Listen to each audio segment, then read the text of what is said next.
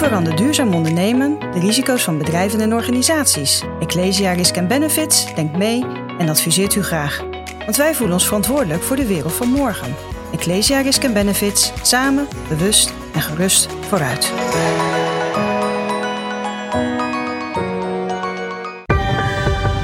Ecosofie wordt mede mogelijk gemaakt door Renewy. Renewy. Minder nieuw, meer renew. Want afval bestaat niet. Hoe breng je economie, ecologie en filosofie in balans? Daarover gaat Ecosofie, de podcast waarin Marnix Kluiters in gesprek gaat met experts over het verduurzamen van de samenleving. Nou, de verkiezingen staan weer op het programma in maart 2021. Maar waar stem je nou eigenlijk op? Uh, wat is de ideologie achter een politieke partij? Daarover ben ik al een aantal maal in gesprek gegaan met uh, directeuren van wetenschappelijke instituten van politieke partijen. En ditmaal uh, ga ik in gesprek met Ruud Kuin, de directeur van het wetenschappelijk bureau van de SP. Ruud, heel hartelijk welkom via Zoom ditmaal vanwege de versterkte lockdown. Um, ja, dan ben ik eerst altijd wel even benieuwd. wat zou jij nou als vertegenwoordiger van de politieke stroming van de SP veranderen in de samenleving als je het een jaar voor het zeggen zou hebben? Oeh, um, nou, ik denk dat, dat het voor ons van belang is, en voor mij van belang is, dat je dan uh, niet een beetje bijschaft, maar echt uh, fundamentele veranderingen in gang gaat zetten. En een jaar is dan niet lang, maar ik zou beginnen met de flexibilisering aan te pakken. Er staat nu een beloning op flexibele arbeid, die is dus heel goedkoop. Ik zou flexibele arbeid heel duur maken. Um, we zouden de denk ik, in dat jaar de verzeggenschap van de werknemers vergroten in bedrijven. En dat wil zeggen dat je uh, zeggenschap krijgt over belangrijke besluiten. Um, we zouden uh, onmiddellijk wat doen aan de, aan de uh, inkomensongelijkheid. dus ja, de belastingen voor de hoge inkomens flink verhogen. Die was in de jaren 70 rond de 70 procent, zit nu rond de 50. Dat scheelt nogal wat. Um, nou, en ik denk dat we ten aanzien van de zorg, ook een belangrijk speerpunt voor de SP. De markt zouden, zouden slopen in de zorg. Daar zouden denk ik, ja, er zijn natuurlijk wel veel meer belangrijke dingen te doen, maar dat zouden denk ik wel op het gebied van inkomen, op het gebied van zorg en misschien op het gebied van wonen. Dat vereist wat meer tijd, maar dat zijn wel de drie speerpunten wat ons betreft voor de komende verkiezingen ja, en dat geeft denk ik mooie voedingsbodem om uh, dit gesprek, dit uur over de ideologie achter de partij ook uh, te voeren. En uh, dan ben ik altijd eerst wel eens benieuwd, want die wetenschappelijke instituten die hebben toch een bepaalde rol ook te vervullen. Hoe jullie daar als wetenschappelijk bureau van de SP invulling aan geven en hoe jij hier ook terecht bent gekomen en zelf hoofd bent geworden van het wetenschappelijk bureau.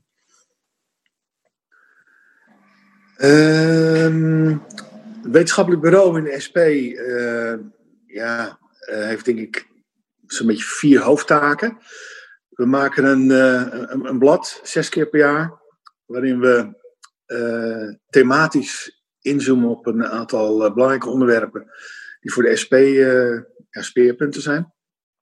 Um, dus één, twee, we leveren een bijdrage aan scholingen. Dus het, zeg maar het ja, scholen verdiepen van de kennis en de ideologie binnen de partij. Daar werken we. We leveren uh, cijfermateriaal, onderzoekmateriaal voor belangrijke speerpunten waar de SP mee bezig is. Uh, en ten vierde uh, ja, doen wij zelf wat onderzoek. En voor de komende jaren zijn we erg bezig met strategisch onderzoek. Dus je kunt, we kunnen heel veel discussiëren over wat we willen veranderen en wat we voor ogen hebben waar het naartoe moet. Uh, hoe, hoe, dat te bereiken is, wat ons betreft, minstens zo belangrijk. En daar wordt te weinig aandacht aan besteed. Dat zijn, denk ik, de vier hoofdactiviteiten de komende tijd waar wij mee bezig zijn. Um, en hoe ik bij het wetenschappelijk bureau ben gekomen. Ik ben gevraagd door, uh, door de partij, door Lilian. Die ken ik van de FNV. Uh, en ik ben gevraagd om in ieder geval de komende tijd hoofd van het wetenschappelijk bureau te zijn. Oké, en um, ja, dat, dat, drijft jou waarschijnlijk ook vanuit die ideologie. Maar dan ben ik toch ook wel benieuwd, hè? want uh, de Socialistische Partij dat, uh, geeft vrij duidelijk aan wat de stroming ook is die daarachter zit. Toch is het socialisme volgens mij ook een hele brede stroming. Wat is het socialisme precies? En met name dan ook hoe jullie dat interpreteren als SP? Nou, wij hebben, vind ik, een, een, dit is een soort beginselprogramma hebben wij. Dat is uit 1998. Dat heet Heel de Mens ja, dat, dat, dat af en toe. is echt wel nog steeds heel actueel en modern. En wat wij onder socialisme verstaan is dat, ja, dat er sprake is van menselijke waardigheid. En daar bedoelen we mee dat mensen elkaar respecteren. Dat er eh, recht bestaat om in vrijheid mee te beslissen met van alles. Dat er bestaanszekerheid is voor mensen. En dat iedereen een eerlijke kans krijgt.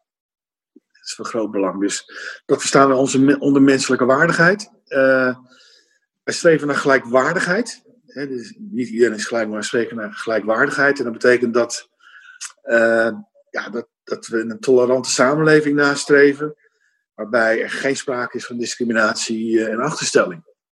En het derde belangrijke principe voor een socialistische maatschappij, als ik het zo mag noemen, is, ja, dat, dat er solidariteit is. En dat, die moet georganiseerd worden in onze visie. Solidariteit is er niet vanzelf. Maar is dat we uh, ja, voortdurend organiseren, uh, dat we elkaar helpen en voor elkaar zorgen. Ja, en nu vraag ik eigenlijk meestal wat die pijlers van een politieke partij zijn. Maar die zijn dus uh, waarschijnlijk heel erg ook vervlochten met wat jij net zegt. Dus dat zijn er eigenlijk ja. drie. Menselijke waardigheid, gelijkwaardigheid en solidariteit. Um, ja, dat heb je denk ik ook wel mooi toegelicht. Of zou je dat nog verder willen uitweiden? Nou, ik denk dat wat de SP onderscheidt van denk ik, alle andere partijen... is dat we ook wel na hebben gedacht over hoe realiseer je nou die verandering in de maatschappij? En uh, wat, ons, uh, wat bij ons van groot belang is, dat je zowel dat je niet alleen in het parlement actief bent. Je, natuurlijk willen we zo groot mogelijk zijn om daar uiteindelijk ook grote invloed te hebben en ons verhaal te kunnen vertellen. Maar in onze strategie zit ook wel heel erg ingebakken dat we ook buiten het parlement mensen organiseren om uh, ja, de kritiek op het systeem naar voren te brengen, met zoveel mogelijk mensen samen juist. En ook alternatieven te formuleren met mensen samen. En we geloven er wel in dat daar druk van buiten het parlement nodig is. Dus mensen moeten zich actief bemoeien met, uh, met de democratie, noem ik dat maar. Moeten zich organiseren en, en, en een verhaal naar voren brengen en een kritiek formuleren. En ook een alternatieven formuleren in die druk van buiten.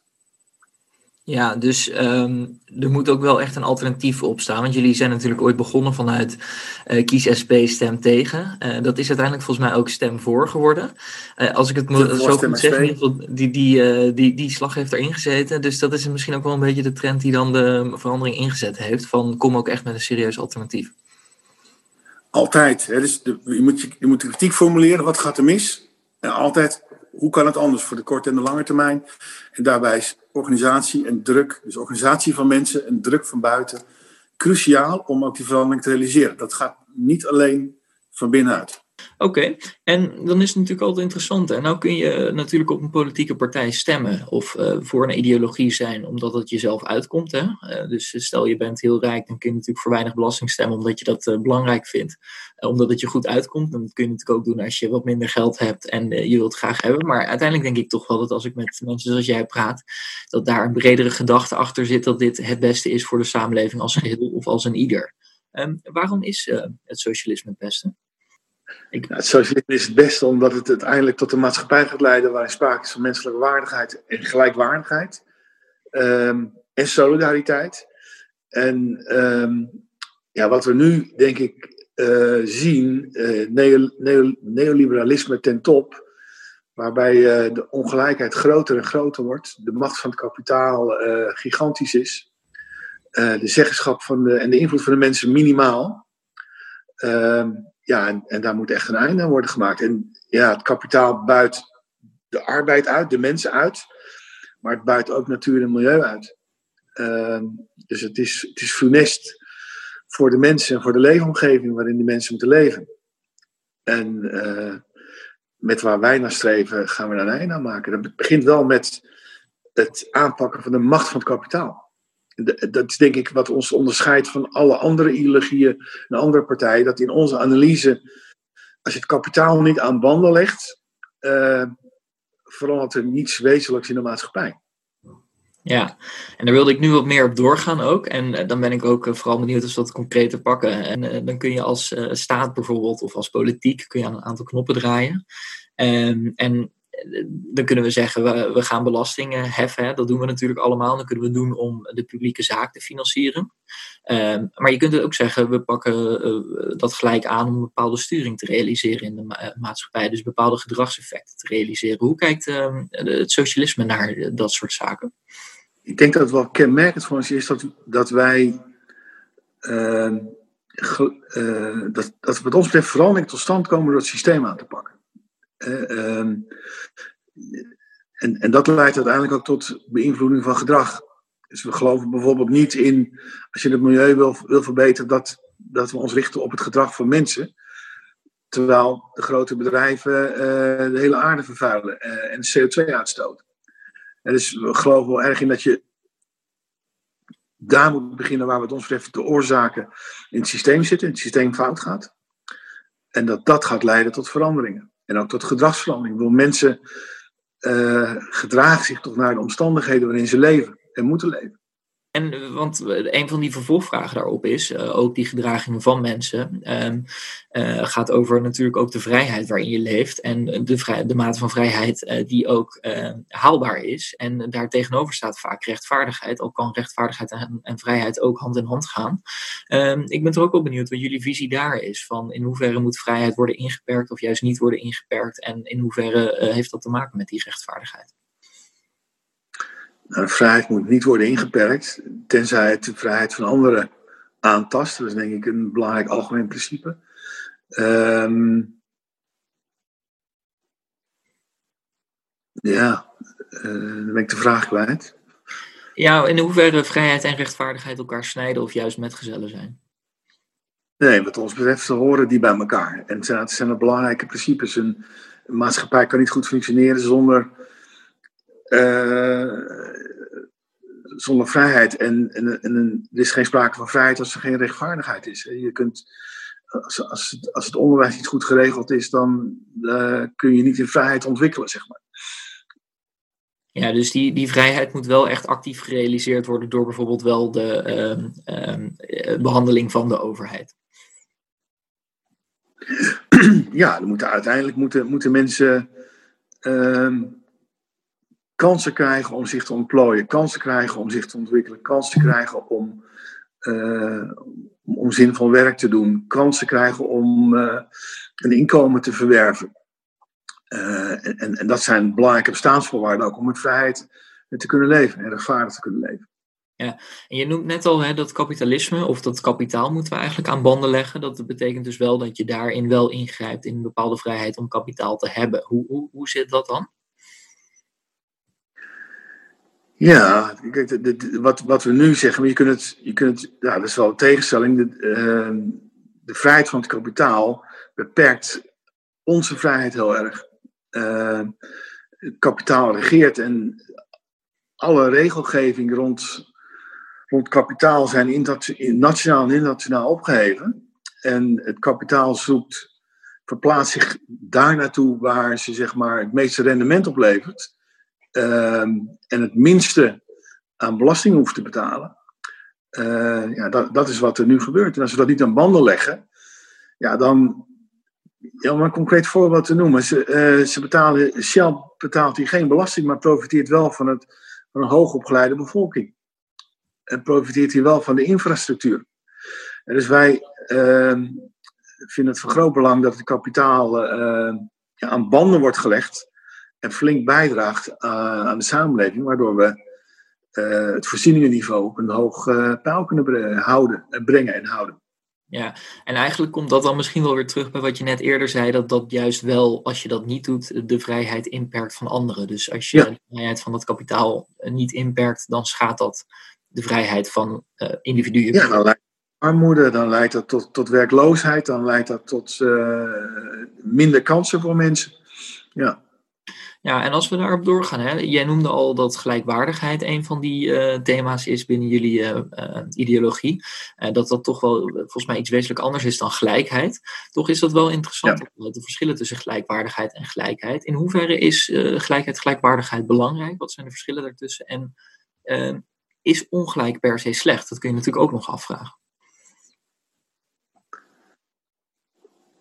Uh, nou, wij, zeggen nadrukkelijk ook in, ons beginsprogramma: de, de, mensen zijn niet gelijk. Hè? Dus je, kunt, kunt eraan streven dat iedereen gelijk is. Dat, dat lijkt ons niet realistisch. Wij streven wel naar gelijkwaardigheid. En dat betekent dat, uh, ja, dat, mensen niet mogen worden achtergesteld, dat er niet mag worden gediscrimineerd. En dat we er alles aan doen om mensen gelijke kansen te geven. Dat is cruciaal in onze, in onze visie, dat mensen ieder geval de kans krijgen om zich te ontplooien, de kans krijgen om te werken, uh, de kans krijgen om zich te ontwikkelen. Ja, en als we dat dan hebben over die gelijke kansen, hè, ehm, in, uh, dat, dan heb je in Nederland ook altijd die uitspraak hè, van uh, als je voor een dubbeltje geboren bent, kun je dan nog een kwartje worden. Dat vinden we hier allemaal heel belangrijk volgens mij. Um, hoe, hoe zien jullie dat en hoe belangrijk is dat voor jullie? Nou, heel belangrijk zeg je net al, maar dan ook vooral hoe zou je dat vormgeven? Um, nou, het is voor ons van cruciaal belang dat iedereen gelijke kansen krijgt. Dus dat betekent dat als je inderdaad van een dubbeltje wordt geboren ook een kwartje moet kunnen worden. Dat betekent dat we er alles aan moeten doen om iedereen gelijke kansen te geven. Ja, en daar hebben we uh, een hele duidelijk idee over. Dat betekent een, uh, een democratische maatschappij waarbij gratis toegang tot zorg is, waarbij gratis toegang tot onderwijs is, waarbij er voor iedereen werk is, waardoor je een fatsoenlijk inkomen hebt. Uh, ja, een, maatschappij waarbij uh, die, die duurzaam is, uh, waarbij sprake is van integratie, waar mensen samenwerken, samenleven. Dat, uh, ja, dat zijn ja, misschien wat algemene, maar wel hele belangrijke uitgangspunten voor ons. Ja, en zit het dan met name dus, je noemt nu heel veel publieke taken op. Um, tegelijkertijd, je kunt bijvoorbeeld heel erg aan het onderwijs ook sleutelen. Uh, een voorbeeld daarvan wordt altijd aangehaald de, rijke mensen kunnen bijvoorbeeld bijles financieren. Is, dat, is dat wel terecht? Moet het onderwijs dan niet veel beter zijn? Je kunt ook aan de vermogenspositie sleutelen. Um, in hoeverre moet dat in balans zijn? Nou, ik vind het een hele kwalijke ontwikkeling dat er een hele industrie ontstaan is in het onderwijs van bij, uh, bijlessen. En inderdaad, mensen die uh, genoeg geld hebben, kunnen zich dat permitteren. Waardoor ze uh, ervoor kunnen zorgen dat de kinderen de hoogst mogelijke opleiding kunnen genieten. En een groot deel van de bevolking kan dat niet, kan zich dat niet permitteren. En ja, de overheid moet ervoor zorgen dat de toegang voor het onderwijs voor iedereen gelijk is. En dat de kansen in het onderwijs voor iedereen gelijk zijn. En daar waar mensen kinderen meer hulp nodig hebben, moet de overheid dat organiseren. En moet dat niet afhankelijk zijn van het inkomen van ouders. Dat is, een, ja. is een hele kwalijke ontwikkeling. Uh, dat is echt in een paar jaar tijd gebeurd. En dat heeft echt te maken met uh, ja, verschraling van het publieke onderwijs. Uh, ja, dat, dat dit ontstaan is. Ja, en als we dan dat nog wat verder doortrekken, hè, dan zou je natuurlijk ook nog kunnen kijken naar uh, de manier van uh, belasting heffen. daar heb je net al wel het een en ander over verteld dat ik nu ga vragen. Maar dat is de manier hoe je kijkt naar verdiend en onverdiend inkomen. Ik vind die term al een beetje lastig. Want, uh, maar waar het om gaat is, heb je iets gedaan voor het inkomen waarvoor je moet werken? Of heb je het ehm, uit vermogensbestandsdelen gekregen? We zien nu dat er een vrij hoge inkomstenbelasting is op inkomen uit arbeid arbeid. Um, maar hoe kijken jullie daar? Nou, wij, vinden dat, uh, dat er een hoge belasting op erfenissen moet komen, om even te hebben over het onverdiend, duidelijk onverdiend inkomen. Maar misschien nog minstens zo belangrijk is, als je kijkt vanaf de jaren 80, dan is de belasting op winsten uh, is, is gehalveerd. En de belasting op arbeid is verdubbeld. Het is een volstrekt verkeerde ontwikkeling had wat ons betreft uh, eerder andersom moeten zijn. Dus de winstbelasting was in de jaren 80 48 procent, is nu 25. Als het aan Rutte had gelegen, was hij nog lager, uh, nog meer gedaald. En de belasting op arbeid is, is verdubbeld. Dus echt volstrekt tegengestelde beweging. Um, ja, en met, en met belastingheffen maak je wel duidelijk wat je als maatschappij uh, belangrijk vindt. Wat, wat de norm is. Um, ja, en je regelt daarmee dat de overheid uh, zijn voorzieningen op peil kan houden. Ja, en jij, jij noemt het nu op. Ehm, eh, normaal vraag ik dan ook, uh, zou je dat dan bijvoorbeeld gelijk willen trekken? Maar jullie zouden dan denk ik ook uh, graag willen dat dat belasting op onverdiend inkomen eigenlijk daar juist ver overheen gaat dan. Overheen gaat? Ja, dus ten opzichte van het percentage belasting op arbeid. Ja. Ja, ik denk dat Piketty daar een hele zinvolle, mooie studie naar heeft gedaan. En, en die laat zien als we niet ingrijpen is dat dat vermogen ja, meer groeit dan de economische groei. En dat daarmee de ongelijkheid groter en groter wordt als we daar niets aan doen. Dus daar moet zeker over worden ingegrepen. Dus een hogere belasting bij de hoogste inkomens, een belasting op erfenissen en een hogere belasting op winst. Dat zijn denk ik drie belangrijke uh, aanpassingen, hervormingen van het huidige stelsel. Ja, om dus iedereen eigenlijk een gelijke kans op ontplooiing, zelfontplooiing te geven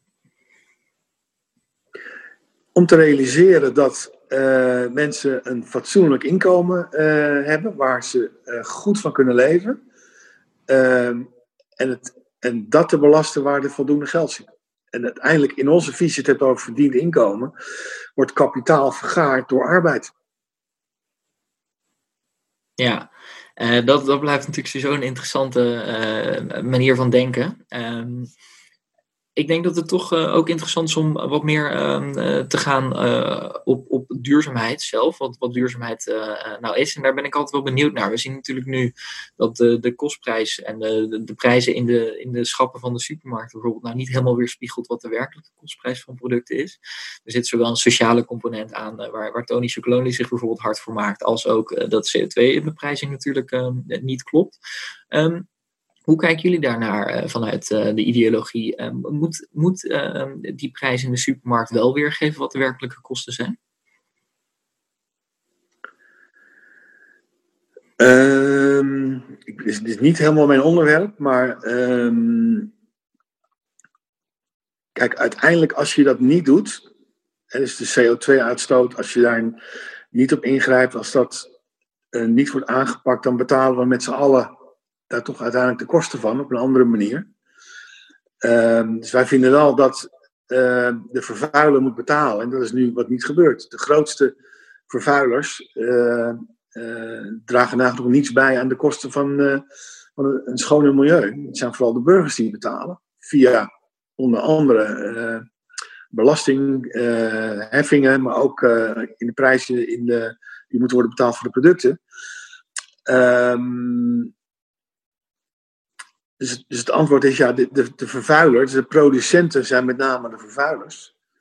Uh, die moeten betalen.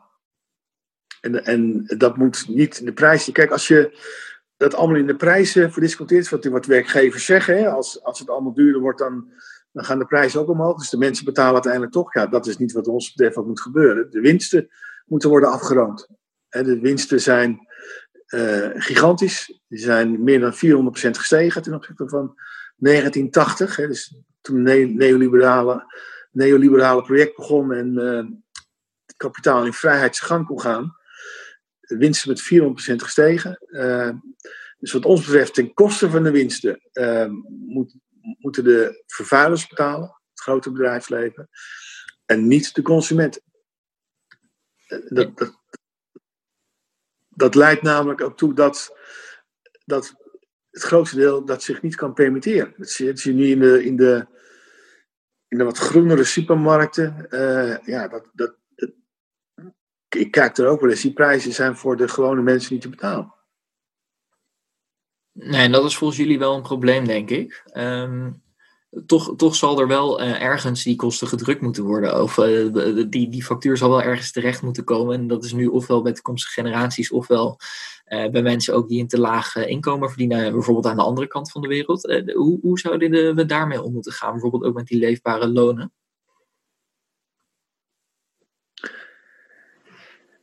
Um,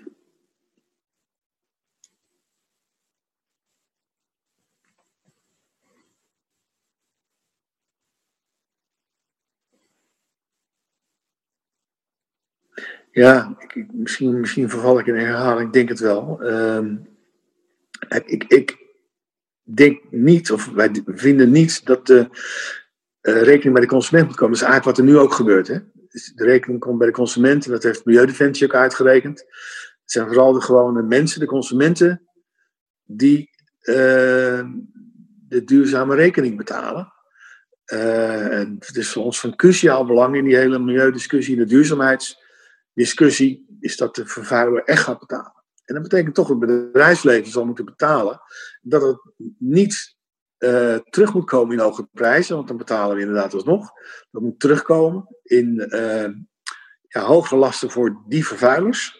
En dat betekent minder winsten. Je moet er genoegen nemen met minder winsten en daar moet de overheid op ingrijpen.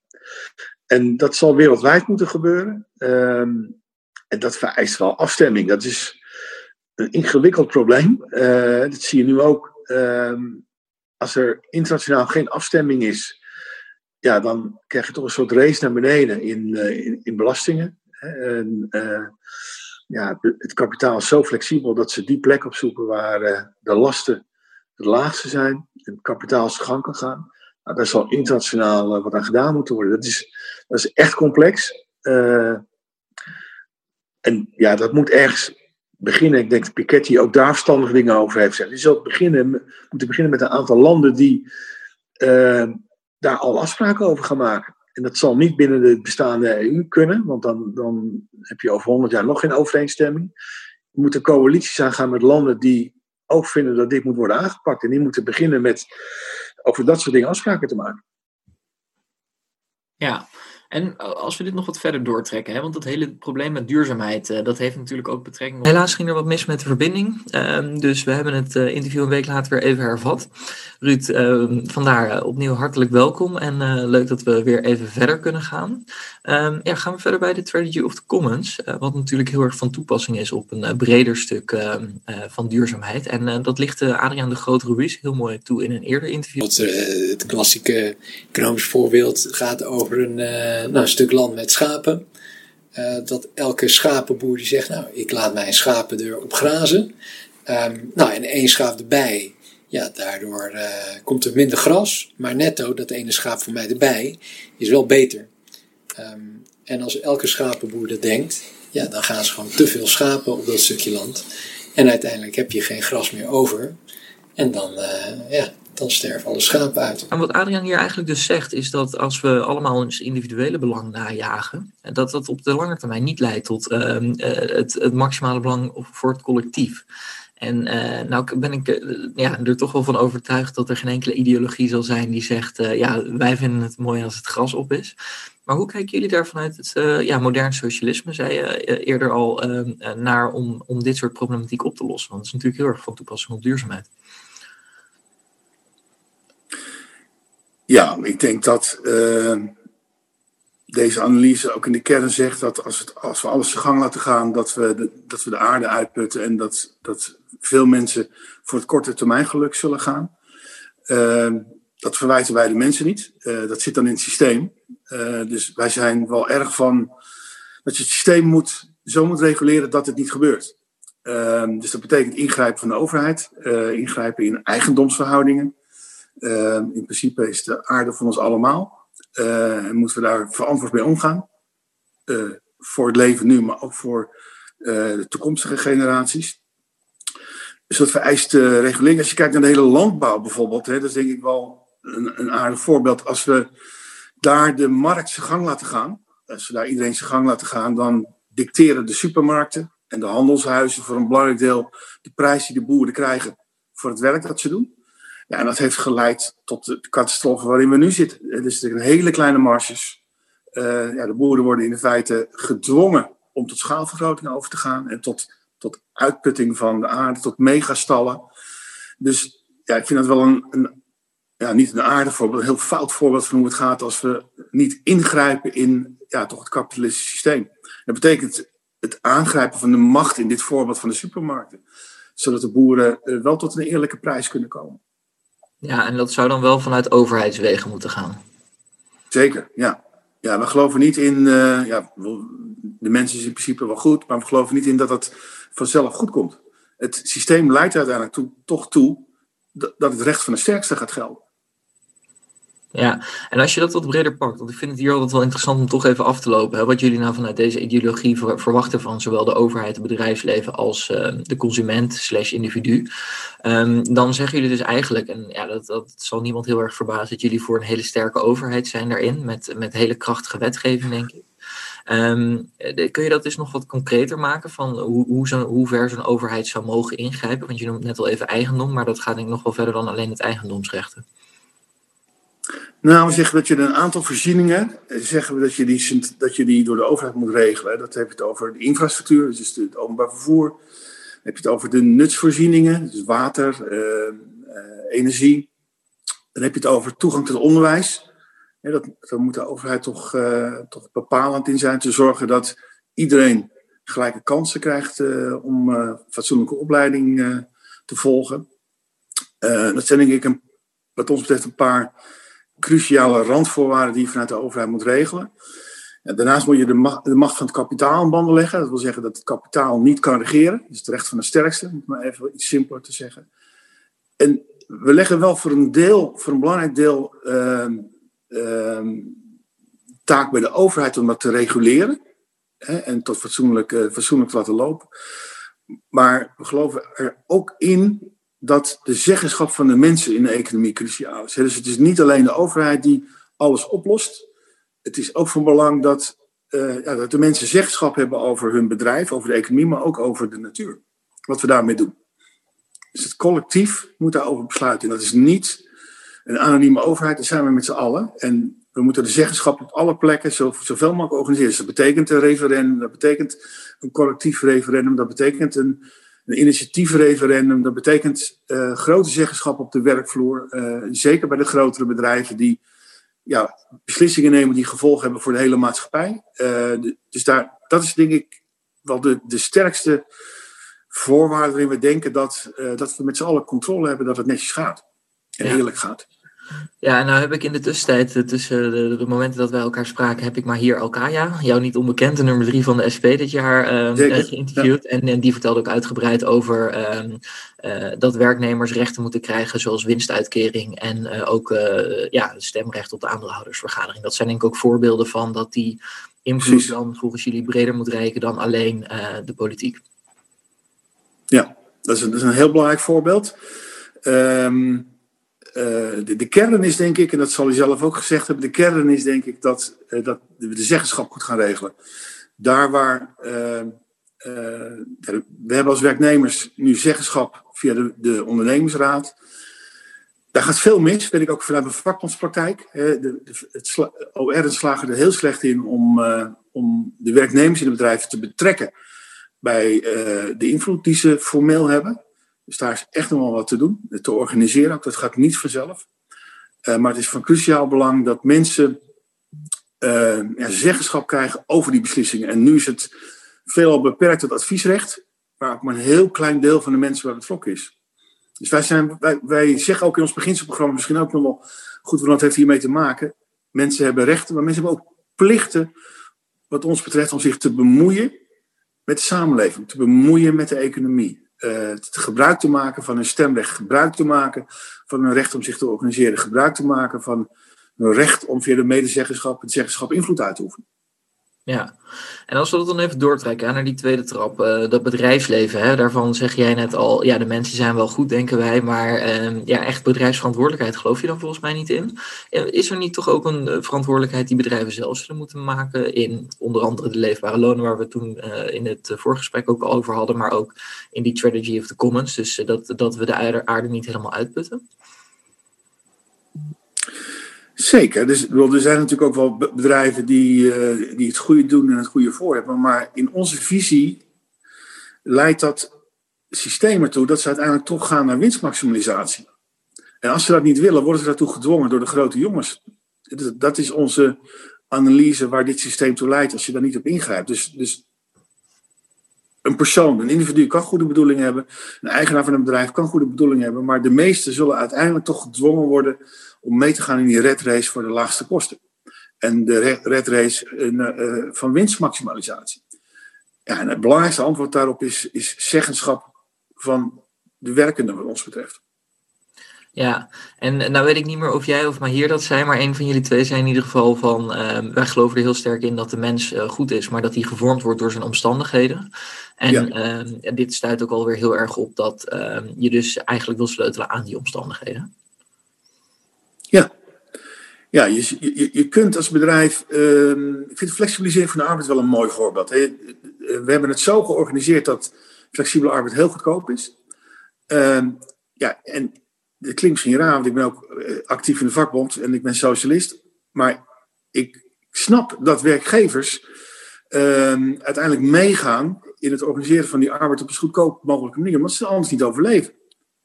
En dat betekent dus dat ze meegaan in die race van flexibilisering en dus ja, mensen alleen inzetten als ze nodig zijn, uh, de kosten heel laag te houden. Dus ja, dan, dan vind ik het heel nobel dat er werkgevers zijn die dat uh, anders doen en goed doen. En in de marge daarvan nog zeg maar, weten te overleven. Misschien zelfs goed te, goed te kunnen, kunnen overleven. Maar uiteindelijk gaat het om dat het systeem hen dwingt om op die manier te opereren. En we moeten het systeem eens aanpakken.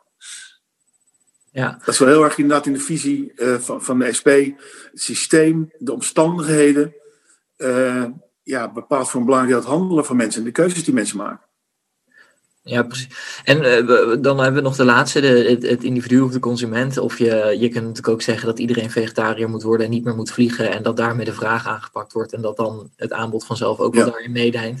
Maar ik geloof met het eerdere antwoord dat we nu al besproken hebben, dat je daar dus niet zo heel erg voorstander van bent. Dus dat de bal echt bij, de, bij het individu ligt. Ja, sterker nog, het is, het is, uh, mensen hebben daar niet zoveel keuze in, in als consument. Ik bedoel, je kunt, je kunt van alles vinden, maar wat, wat er in de schappen ligt en wat voor prijzen ligt, wordt toch gedicteerd door anderen. Door de grote, eh, vooral de super, supermarktketens. De macht van de supermarktketens, die bepalen of iets in de schappen ligt, op welke plek het ligt, wat de prijs is. En die dwingen ook boeren en leveranciers, maar niet alleen boeren, maar leveranciers op alle fronten, om uh, hele lage prijzen te hanteren. Dus uh, nou, die, die marktmacht moet wat ons betreft wel worden aangepakt. Ja. ja. En uh, als we dan nog even dat doorpakken, hè, want uh, we zitten natuurlijk wel gewoon in een transitie. Uh, ik heb dus ook een aantal programma's al gelezen waarvan dat van jullie ook voor dat interview met hier. Nou, daar zijn jullie ook vrij duidelijk over dat we heel snel moeten vergroenen met energie, maar ook op allerlei andere aspecten veel meer naar zo'n welzijnssamenleving moeten gaan. Um, als we nou in zo'n transitie zitten, hè, dan moeten er toch ook verschillende beslissingen genomen worden. Um, hoe, hoe, moeten we dat regelen? Uh, draagvlak creëren? Moeten, moeten, moeten de beslissingen genomen worden door de experts in een soort technocratie of moeten de burgers aan tafel zitten? Ja, ik denk dat ik het al heb gezegd, dat moet de, zeggenschap bij de burgers liggen. Uh, met, met referenda, collectief referendum, er moet draagvlak worden gecreëerd. Ik denk dat Milieudefensie, of ik denk, nee, ik weet zeker dat Milieudefensie er hele verstandige dingen over zegt. Uh, klimaatverandering gebeurt rechtvaardig of het gebeurt niet. En het is nu vooral ja, uh, de gewone man en vrouw die, eh, die, die vooral voor de kosten opdraaien van de verduurzaming van de samenleving. En uh, de grote, ja, de rijken en de grote daar uh, redelijk te dans ontspringen. En ja, dat, dat tast enorm de, de draagvlak aan. Dus we moeten draagvlak creëren door het rechtvaardig te doen. Uiteindelijk zal iedereen de prijs betalen, maar wel naar draagkracht. Dat is van, van cruciaal belang. Um, ja, en, en, dan de zeggenschap van de mensen. En dan geloof ik, uh, of dan geloof ik, dan weet ik zeker dat, dat het draagvlak is en dat we de goede dingen zullen gaan doen. Ja. En dan ben ik altijd nog uh, benieuwd naar één ding als allerlaatste afsluitende vraag van het interview. Tenzij jij zelf nog uh, dingen toe te voegen hebt aan hetgeen wat wij besproken hebben. Nee, volgens mij hebben we alles wel besproken. Dat denk ik ook. En dan ben ik altijd wel benieuwd wat jij als uh, ja, socialist, modern socialist, um, mee zou willen geven. Uh, ik ben zelf ook, ook nog aan de start van, de, van mijn carrière met mijn 26 jaar, twee jaar bezig inmiddels. Maar wat zou jij nou mee willen geven al die millennials die nu aan de start van zijn of haar carrière staan? Nou, ik zou iedereen willen oproepen zich actief te bemoeien met, met maatschappelijke veranderingen. Het is, de, ik denk dat het neoliberalisme laat zien hoe groot de tegenstellingen zijn en hoe fout het gaat als we daarin niet ingrijpen. Um, ja, misschien wel een heel politiek antwoord, maar wij vinden wel dat, en dus ook de millennials, zich moeten bemoeien met de maatschappij. En welke kant het op gaat. En we zitten wel op een cruciaal moment, denk ik, om daar vorm aan te geven. En uh, wij als SP vinden het van groot belang dat mensen niet alleen stemmen, maar ook politiek actief zijn. en meedoen en meebeslissen en meedenken over waar het naartoe moet. Ja, en dat sluit heel erg aan bij jullie strategie, hè? hoe jullie de maatschappij dan dus willen ja. veranderen. Oké. Ja, niet alleen in het parlement. Het gebeurt vooral buiten. Buiten wordt toch de agenda bepaald, ook van het parlement. Ik denk dat het, de rol van het parlement is belangrijk natuurlijk. Daar gebeurt het uiteindelijk formeel. Maar buiten het parlement kunnen wij met z'n allen de agenda bepalen. Ja, en dat blijf jij vooral doen. Uh, spannende maanden nog, de komende, wat is het, twee maanden tot, uh, tot de verkiezingen. Dus uh, ja, veel Hele belangrijke verkiezingen. Wat zei je? Wat zeg je? Ik zei hele belangrijke verkiezingen. We zitten wel, denk ik, op een keerpunt. Het, het, we moeten gaan kijken wat we praktisch ook kunnen in de campagne. Omdat de coronamaatregelen ons wel erg beperken in, uh, ja, in het uh, naar mensen toe gaan. En mensen bij elkaar halen en activiteiten ondernemen. Maar het zijn spannende verkiezingen, belangrijke verkiezingen. Ehm, ja, als de VVD roept, we moeten het kapitalisme bijschaven, want anders gaat het systeem misschien op de helling. Daar zeggen wij heel duidelijk, nee, het is nu de tijd van fundamentele veranderingen, want het systeem deugt niet. Het systeem leidt per definitie tot tegenstellingen en tot grote ongelijkheid. Ja, en dat is denk ik uh, een mooie boodschap om ook mee af te sluiten, Ruud. Um, en uh, we gaan het volgen, denk ik. Uh, het wordt, wordt, spannend. 17 maart zijn de verkiezingen. komende tijd dus ook met actief politici. jij was een van de laatste alweer in de serie met, over politieke stromingen, die ik eerder ook al deed met een heel aantal andere politieke stromingen. Dus scroll er ook vooral even de lijst voor terug.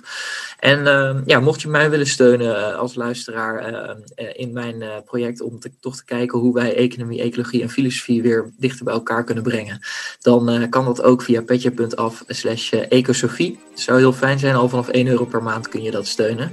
Ruud, nogmaals bedankt voor je tijd en um, veel succes. Dankjewel en graag gedaan. En uh, zet hem op.